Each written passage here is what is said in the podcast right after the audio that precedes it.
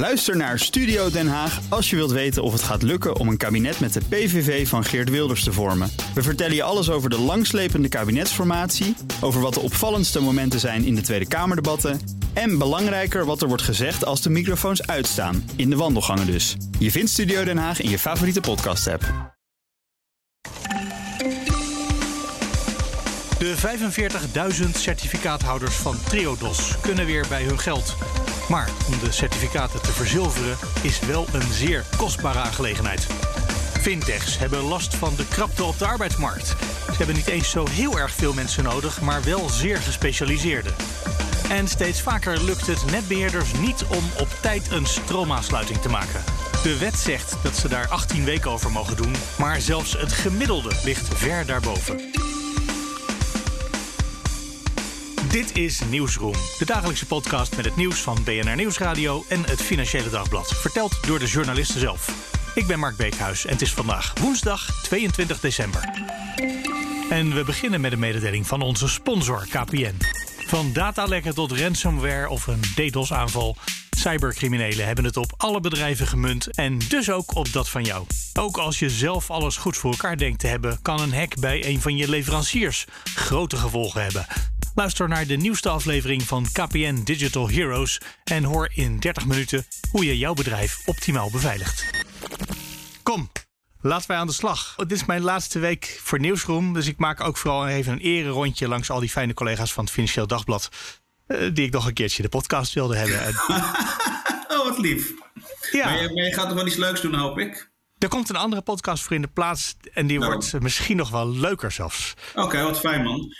Even goed, Rutger Bedlem. We gaan het hebben over Triodos.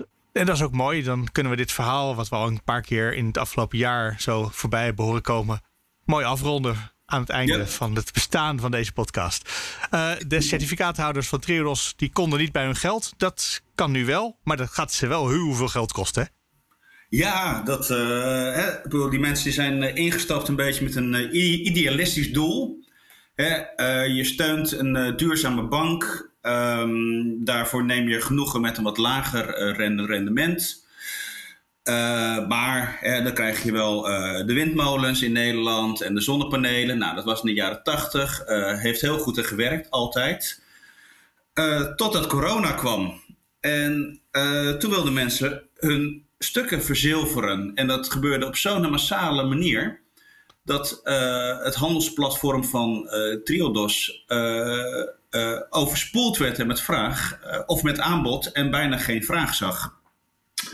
En toen is het Ja. systeem op slot gegaan. Dus die mensen die konden helemaal niet meer bij hun, ja, wat eigenlijk gewoon een spaarpotje was. Hè, want het rendement was dermate laag dat nou, het scheelde niet heel veel. We hebben een spaarrekening meer. En dat heeft iets van een jaar of zo, of anderhalf vastgezeten. Wat was het? Anderhalf ruim, ja. Anderhalf, ja. Ja, daar was een enorme grote frustratie over. Eh, ik ben geregeld en benaderd hebben mensen die daar belegd hebben. eh, eh, die zeggen, ja, weet je, ehm, ik ga scheiden. eh, ik moet zo mijn erfenis verdelen. eh, ik ben een ZZP'er. Ik zit in een coronacrisis. Ik krijg te weinig steun. En die konden allemaal niet terecht bij hun, bij hun geld. 45.000 mensen ongeveer over wie dit gaat. Of tenminste Ja. beleggers. Dus misschien ook nog hun familie die daarmee te maken heeft. En nu? Nu mogen mensen wel weer hun eh, certificaten verkopen. Ja, En maar wat ja. zeg je in de kop van je artikel? Dat kost je 30 tot 45 procent. Dat is wel een eh, hele hoge negatieve rente. Eh, Flink, hè? Ja. Nou ja, het persbericht wat gisteren uitgestuurd werd door eh, een triodos. Daar staat een beetje onderin het persbericht dat de certificaathouders rekening moeten houden met een aanzienlijk verlies. Nou ja, dat is een beetje een vage term natuurlijk. Ja, En dan heb je zoiets als de schaal van Mok. Het wordt een beetje technisch nu, sorry daarvoor. Maar de schaal van Mok eh, zorgt er eigenlijk voor dat vage termen eh, in getallen eh, gegoten worden. En aanzienlijk is op die schaal eh 30 tot een 45 procent. Dus ik heb gisteravond nog even gebeld met een triodos. En bedoelen mij- jullie het echt zo? Ja. ja, die hebben mij verteld inderdaad dat zij bij de woordkeuze gekeken hebben naar de schaal van MOK. Dus eh, eh, de certificaathouders die kunnen tot een 45% van hun waarde verliezen. Het is natuurlijk heel pijnlijk als je in iets gestapt bent wat sinds, sinds de jaren tachtig een veilige belegging was. Het leverde niet veel op, maar het was wel het had een vaste prijs. Ja. het had een vaste prijs, een lager rendement. En daarvoor steunde je een goed doel. Nou ja, uh, zo gauw als zo'n aandeel, uh, het is niet, niet echt zeg maar een aandeel, maar het lijkt er een beetje op, echt naar de markt gaat, dan gaat er in één klap een gigantisch percentage vanaf. En dat is natuurlijk best zuur als je daar je spaargeld in hebt zitten. Kunnen die mensen daar iets tegen doen? ik bedoel, bij ja, weet ik een class action-achtige rechtszaak of zoiets? Ja, dat, dat, daar is denk ik te vroeg voor. Uh, Triodos is nog steeds in gesprek met zijn certificaathouders. Ja, dus er wordt nog steeds ook gesproken met ze. Het zou natuurlijk nog best kunnen dat het plan uiteindelijk helemaal, helemaal niet door, doorgaat, omdat er enorm veel ophef over is. Maar ja, wat dan? Uh, ja, dan blijft de handel in de certificaten nog steeds weer geblokkeerd. Precies, een Triodos zal, zal iets moeten hiermee. Echt hiermee. En, en dit gaat zich niet uh, vanzelf oplossen. Dus, uh, uh, en ze kunnen het ook niet, niet terugkopen, want het is gekoppeld aan de buffers van de bank. dus ja, ik, ik vrees eigenlijk dat ehm, al die, die certificaathouders een, een redelijke bleederrecht moeten nemen op hun stukken. Ja, en uh, met die uh, sombere constatering uh, stoppen we ons laatste gesprek in uh, Nieuwsroep dan maar, denk ik. ja. nou, tenzij je morgen nog goed nieuws hebt, dat mag ook. ik hoop het, Mark. Altijd fijn. Rutger Bedlem, dankjewel. Dankjewel. Ja, en ik had net Rutger aan de lijn en die zei... dit verhaal, daar had ik eigenlijk geen tijd voor, Elfanie. Nee, heb ik van hem. Zijn er nog dingen in de marge die leuk zijn... waar ik niet weet dat ik er naar wil vragen? Het gaat uh, om best niet zo heel veel mensen. Dus uh, uh, veel van die bedrijven zeggen van ja, hoe zit het nou met de Great Resignation? Ja. Waar Casper Thomas gisteren een mooi verhaal over had. En veel van die fintechs vroegen aan mij van ja, hoe zit dat? Is dit nou de Great Resignation? Gaat nou iedereen van baan veranderen? Maar in de officiële cijfers zie je dat niet terug. Ah. Ja, omdat het toch uiteindelijk om best wel weinig mensen gaat. Die, die echt die topfuncties, die hele specialistische functies kunnen doen. Ja, precies. Dat heb ik er niet gaat niet over de programmeurs van de financiële apps, maar om de, de mensen die eh, die bedrijven gaan leiden. Ja, Precies, en, de en echt hele specialistische functies. Dus dat heb ik er niet in verwerkt, ook omdat de laatste cijfers er nog niet zijn van het vierde kwartaal. Maar um, wil kun je daar naar vragen. Dan gaan we gewoon lekker van start. En dan zeggen we hallo Elf van die Toulaar. Goedemorgen Mark. De fintech-bedrijven, daar hebben we het in deze podcast veel over gehad. Misschien nog niet met jou, want jij bent altijd van de arbeidsmarkt. Maar hier kruisen die twee onderwerpen elkaar. Klopt, ik heb er nog niet zo eh, vaak over geschreven. En fintechs hebben last van uh, de krappe arbeidsmarkt. Eigenlijk zoals iedereen. Maar zijn misschien nog wel meer, want dat is een raar soort werk, hè? Ja, het is een heel raar soort werk. Specialistisch soort werk. Laat ik het niet. Uh, anders klinkt het een beetje uh, alsof ik ze uitscheld. Het is heel specialistisch werk. En dat is dan meteen ook een probleem. Want er is bijvoorbeeld een groot tekort aan finance specialisten en compliance uh, en internal audit specialisten. Ja, die zijn sowieso heel erg gewild. En nu is de vraag daarnaar extra groot. En die strijd die wakkert dus nog harder aan. En dat betekent dat uh, een van die sectoren waar wij heel veel van verwachten, wat de komende jaren enorm moet gaan groeien, is het bulken van het geld. Dus wat dat betreft de sky is the limit, zou je denken. Behalve die hele praktische omstandigheid dat je de mensen moet kunnen krijgen. Precies. En uh, precies dat geld, dat is eigenlijk ook een deel van het probleem. Want uh, zijn heel erg in trek bij durfinvesteerders. Ik had een uh, staatje bij het artikel geplaatst um, in 2018 om eventjes aan te tonen, werd er 5,3 miljard geïnvesteerd in uh, fintechbedrijven in Europa. In 2019 was dat bijna een verdubbeling. In 2020 was het weer ietsje minder, 8,4 miljard. En in 2021, in de eerste helft van het jaar, was het al 10,4 miljard. Dus dat gaat zo hard omhoog, dat geld. Maar die investeringen worden dus gedaan in die fintech-bedrijven. Maar daar staat natuurlijk wel een eis tegenover, namelijk groeien met je donder. Ja. En um, ik hoorde van zo'n uh, mevrouw van zo'n specialistisch recruitmentbedrijf, uh, wat hier helemaal in zit, dat soms wordt er gezegd, wordt er voorwaar als voorwaarde gesteld aan een bepaalde grote investering van we doen die investering, maar alleen als je die functie snel op weet te vullen en dus kunt groeien. En anders gaan ze naar een ander land. En anders ja, gaat, gaat, het geld naar een ander bedrijf of waar dan ook heen. Ja. En dat leidt natuurlijk tot stress bij die bedrijven, want die moeten dan dus als de wie de weer gaat op zoek naar zo'n groot talent die dat hele specialistische werk kan gaan doen en die groei, uh, die groei kan gaan verwezenlijken. En dat is dus moeilijk. Ja, dat ja is allicht als je in, uh, van 2018 naar 2021 uh, ongeveer een verviervoudiging hebt van het bedrag wat geïnvesteerd wordt. Dus dat betekent dat er waarschijnlijk ook vier keer zoveel bedrijven of een paar bedrijven veel ambitieuzer. Uh, in ieder geval dus dat er heel veel meer van dat soort mensen nodig zijn. Ja, ook vanwege de Brexit komen ook bepaalde fintech-bedrijven weten sneller de weg te vinden naar, uh, naar de EU en dus ook naar uh, Nederland. Uh, laatst nog Molly trouwens, die ook aankondigde: we gaan een vestiging hier openen in Maastricht, waarvoor ze 200 mensen zoeken. Dat staat niet in het artikel, maar heeft eerder in de krant gestaan. Ja, dat, hm. dat zijn 200 heel gewilde mensen. Dus bij die andere fintechs zit ze dan ook een beetje van uh, nagelbijtend uh, als ze maar niets bij ons vandaan halen. Kunnen wij ze nog wel krijgen dan? Kunnen wij ze nog wel krijgen, ja. En uh, er zijn ook bedrijven, Adyen heb ik bijvoorbeeld ook gesproken voor dit artikel, paste uiteindelijk niet in de krant, want ik moest er erg inkorten. Zo gaat dat helaas. Godzijdank is er een podcast. Je moet altijd te veel weten als je een artikel schrijft. nee, precies. Maar die um, zeggen ook, ja, we kunnen ook werven in het buitenland en mensen op afstand het werk laten doen. Maar dat is toch meestal niet wat de, wat de bedrijven willen. Want dat is nog een ander aspect aan dit hele verhaal.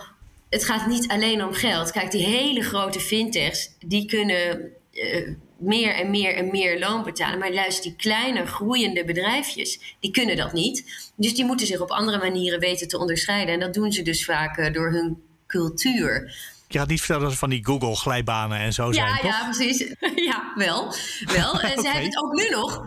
Ze hebben het ook nu nog van, ja, we hebben fantastische borrels en feesten. En nog los van de verantwoordelijkheden die je werkinhoudelijk krijgt, die heel erg leuk en aantrekkelijk zijn.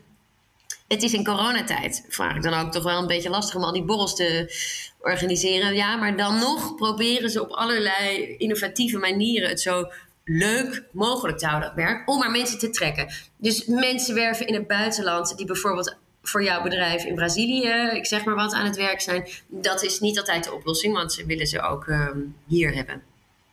En uh, in je artikel lees ik: een salarisstijging van 5% per jaar is normaal voor medewerkers die goed presteren. En de suggestie ja. daarbij is dat als je 10 of 15% uh, hoopt te, erop vooruit te gaan, dat dat ook wel kan. Uh, open zei dat, hè? Uh, ja, die zei 15 tot 20 procent komt bij Open zelden voor. Uh, wat ze ja, nog steeds niet uitsluit. 5% is normaal. 20% loonsverhoging per jaar, dat is echt best wel veel. Maar zij zijn dan nog vrij behoudend. Want als je leest in dat artikel bij Bunk, Ali Niknam, die zegt voor sommige functies en in sommige steden, het verschilt dus ook nog per locatie, betalen we nu 20% of nog meer dan een kwartaal geleden. Ja, hij heeft dus in een kwartaal die salarissen met tientallen procenten omhoog moeten doen om maar mensen vast te houden. En hij vertelde ook, die salarisverhoging is nodig voor bepaalde hele specialistische functies. Maar je wil ook niet dat de verschillen tussen je medewerkers extreem groot worden. Dus ook de, uh, de iets makkelijker vervullende posities, ja, die moeten dan toch ook wel weer omhoog in salaris. Want anders zijn die verschillen gewoon te groot en dat is dan weer niet goed voor die fijne cultuur. Dus als ik ergens een keertje receptionist wil worden, dan moet het daar zijn. ja, ja, ja ik zou het je zeker aanraden. Uh, nou, ja, nee. Ik blijf liever podcast maken, Elfanie. Oké. Okay. Ja. Je zou hopen dat uh, zo'n groeisector, dat hij uh, ook gewoon flink de kans krijgt om te groeien, maar dat blijkt dus lastig. Dat ja. is eigenlijk waar dat neerkomt, hè? En uh, de, de, enige oplossing is denk ik uh, meer van dit uh, personeel opleiden. Maar ja, dat duurt natuurlijk weer eindeloos. En dan ben je weer terug, ook bij alle andere kraptesectoren. Ja, er zijn gewoon meer mensen nodig. Elfanie Toulaar, dankjewel. Ja, was het wat? Oh, wat fijn dat je deze in de laatste opname toch ook nog gewoon weer stelt. Tuurlijk was het ja. Als het namelijk nou ja. niks was, dan was ik doorgegaan. Net zolang tot ik wat had. nou ja, het is, best, het is toch wel een grappig verhaal, weet je, met die salarissen. En dat zelfs in zo'n sector waar zoveel geld is, um, ja, dat er toch uh, wordt geklaagd, steen en been, over de krapte. Dus ja. uh, de geld is gewoon niet altijd de oplossing. Geld is nooit de oplossing. Nee. Maar dat weet dan niet iedereen. Nee. denk dat de titel van onze nieuwe podcast nu rond is. Maar goed. Wat dan? Als Bram en Mireille het eens zijn. Nou, er komt iets nieuws na, na Nieuwsroom natuurlijk over twee weken. De titel Ja. is nog steeds niet helemaal. Ik had eh, de titel Scherp bedacht. Wat ik zelf een hele goede titel vind. Maar dat, toen vonden ze dat niet paste bij, de, bij het format wat we gingen maken. En dat snap ik wel. Ja. Maar ik vind het toch een goede titel. ja, een titel verzinnen is wel echt lastig. Oh, echt? En eh, ik denk dat we er 30 of zo bedacht hebben. Wow. Misschien iets meer. En die zijn allemaal, eh, allemaal zit daar, is er iets mis mee natuurlijk. Hmm. Zullen wij van start? Ja, laten we dat doen. Hallo, Michal van der Toorn. Hallo Mark. We gaan het hebben over netbeheerders. En ja, dat zijn de bedrijven als je stroom nodig hebt waar je een aansluiting bij bestelt. Mhm. En die zijn eh, steeds vaker te laat. Dat wil Ja. zeggen, zijn ze te laat? Ja, dat is de vraag. Nee, maar ze, over, de- ze overschrijden in ieder geval steeds vaker de wettelijke aansluittermijn. Dus dat is Mhm. eigenlijk, die is 18 weken. Dat is ook al Ehm, veel. Ja, dat is al best lang. Maar in, in ieder geval moet je binnen 18 weken stroom, eh, stroom, stroom krijgen. Ehm, maar het du- duurt in dit geval, of het du- duurt nu soms wel een jaar voordat, ehm, voordat je huis of je bedrijf of je datacentrum eh, is Ja. aangesloten op het, eh, op het elektriciteitsnetwerk. En dat is best, ehm, best lang. Een ja, heb- ja, een half jaar vond ik al veel, maar een jaar is zeker veel. ja, dus er zijn, nou, gemiddeld, er zijn wel gemiddelde. Eh, daarin moeten we onderscheid maken tussen kleinverbruikers en eh, grootverbruikers. Eh, want er is natuurlijk wel een verschil tussen een woonhuis en een, en een datacentrum. Mhm. Nou, ik heb rondvraag gedaan bij verschillende netbeheerders. De, vooral de twee grootste, Liander en Enexis. Nu, Bij Liander is de, het gemiddelde voor kleinverbruikers 20 weken. Bij Enexis 23 weken. En voor grootverbruikers is dat 36 tegenover 45 weken. En Dus er zijn dus allemaal boven uit- de 18. Ja, allemaal boven de 18. En er zijn dus uitschieters van wel 58 weken. Dus dat is echt, eh, nou, dat is dus meer dan een jaar. Oké, dus als Facebook eh, daar in die polder een, een, eh, een stroomaansluiting nodig heeft, en dat hebben ze voor hun Ik datacenter, denk het wel, ja. dan kunnen ze dat maar vast regelen. Mhm. Ja, en ehm, nou ja, we hebben natuurlijk even gevraagd, hoe kan dat nou? En daar zijn natuurlijk een paar oorzaken voor. Ehm, dat ligt aan de snelle energietransitie, maar ook aan de, nou, gewoon de toegenomen vraag door economische groei. En er is een groot tekort aan materialen en ook aan personeel. En dat is eh, volgens Liander in ieder geval het belangrijkste probleem. Dus daar valt niks aan te doen ook. Nee, Want Nou, materialen ja. en personeel, dan houdt het eigenlijk op. Als je een technicus bent, een elektromonteur, dan heb je een keuze uit 32 banen. Oh ja, Dus eh, er, is, nou ja, er is natuurlijk sowieso een grote krapte op de arbeidsmarkt. Maar v- voor technisch personeel is dat echt nog nou, veel groter. En daar hebben ze het gewoon heel moeilijk mee. En daardoor duurt het dus heel lang om, eh, eh, om bedrijven aan te sluiten op het, op het net. dat betekent dat ze gewoon heel erg veel meer moeten gaan betalen om die technici in dienst te nemen. Ja, te lokken. ja. Ja, ik weet niet wat, ze- wa- waar ze op afkomen, maar dat moeten ze bieden. ja, dat moeten ze bieden. Precies. Eh, maar goed, feit blijft natuurlijk wel dat ze zich dus niet aan die wettelijke termijn houden. En, maar daar lijken dus heel weinig eh, consequenties aan te zitten eigenlijk. Ik heb wat advocaten gesproken. ehm, en Marco de Boer van eh, VBTM eh, Advocaten, hij is advocaat energierecht. Die zei dus dat, het, dat er wel consequenties aan kunnen zitten. Je kunt boetes krijgen. Dat is ook gebeurd bij Liander eh, in 2019. Toen kreeg ze een boete van 50.000 euro. Maar die is ingetrokken eh, inmiddels. Doordat de netbeheerders eh, beroep doen op overmacht. ehm, doordat ze dus al die tekorten eh, hebben. Ik ga ons even onderbreken voor breaking news. In een podcast bestaat dat natuurlijk helemaal niet. Want sommige mensen horen dit over drie dagen misschien pas. Maar we, we hadden het voordat we de opname starten al... dat we de laatste hand leggen aan het format wat er in het nieuwe jaar komt. Nou, de titel is zo'n beetje rond. Bijna. Ik ga dat samen met iemand anders maken. En ik krijg net een appje van onze adjunct hoofdredacteur. Het is rond. Wat goed. En dan kan ik natuurlijk nog steeds niet vertellen wie het is... waarmee ik die podcast ga maken. Want dat moet nog even afgestemd worden. Maar eh, Dus ik zit nu in de, een van de laatste uitzendingen van eh, Newsroom zoals we het kennen. Ja, deze week is de laatste gewone nieuwsroom. Volgende week maakt Martijn de Rijk nog een eh, soort terugblik op het jaar. Nou, dit is allemaal nog. Dit is eh, heet van de naald. Ge- eh, zeg maar, dit komt binnen terwijl we dit gesprek hebben over netbeheerders. Ja, Terug naar de orde van de dag. Ja, want het is in de wet wel geregeld. Hè? De, de, de wet zegt 18 weken. En dat is het. Dus Ja. eh, kunnen we die netbeheerders aanpakken? Dat ze boetes krijgen opgelegd bijvoorbeeld?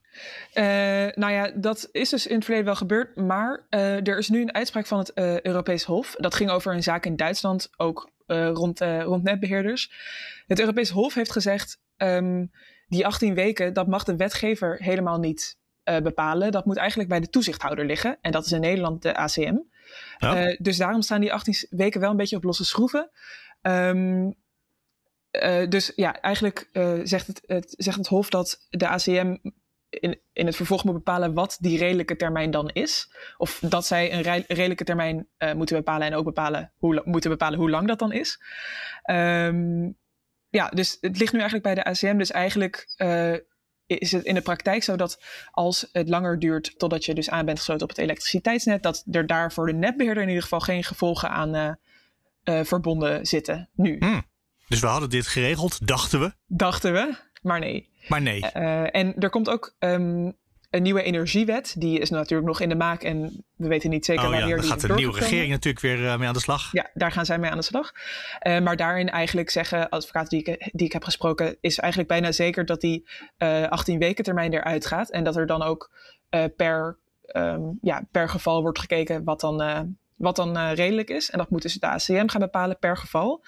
Ehm, en eh Liander zegt ook, het is heel belangrijk om daarbij te differentiëren tussen, eh, nou ja, tussen dus inderdaad particulieren en tussen ehm, Ja, de nou ja, datacenters kom ik weer bij van dat Meta datacentrum, of- maar ook wie dan ook. andere ja. grote bedrijven. Nou, ook eh, heel veel zonneparken. ja, zonneparken, maar ook ehm, eh, nou ja, misschien grote laadstations eh, naast de snelweg of nou ja, kan van alles zijn. Maar dan zijn we dus de zekerheid uit de wet van 18 weken zijn we kwijt. Ja, En daar komt iets anders voor in de plaats. En dat zal vast Nederland kennende dan langer worden. Namelijk die 35 weken of zo die Ja. je bij eh, de meeste groepen als gemiddelde gaf. ja. Nou ja, eh, Marlies Visser van eh Liander zei wel, bijvoorbeeld als je een laadpaal eh, voor je elektrische auto bij eh, je huis wil, dan kan dat veel sneller dan die 18 weken. Dus misschien dat het dan voor kleine dingen juist wel sneller wordt.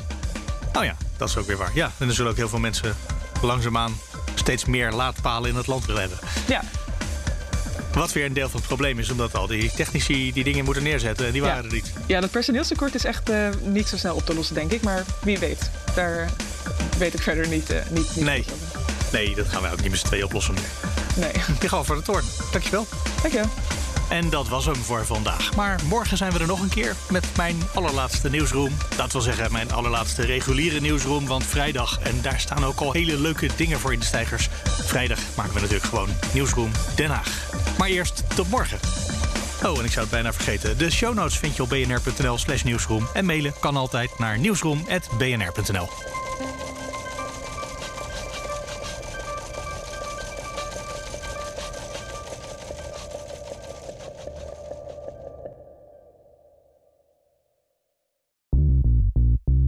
BNR ben je altijd als eerste op de hoogte van het laatste nieuws. Luister dagelijks live via internet. Bas van Werven. En heel langzaam komt de zon op rond dit tijdstip. Je krijgt inzicht in de dag die komt op BNR, het Binnenhof in Nederland en de rest van de wereld. De Ochtendspits. Voor de beste start van je werkdag. Blijf scherp en mis niets.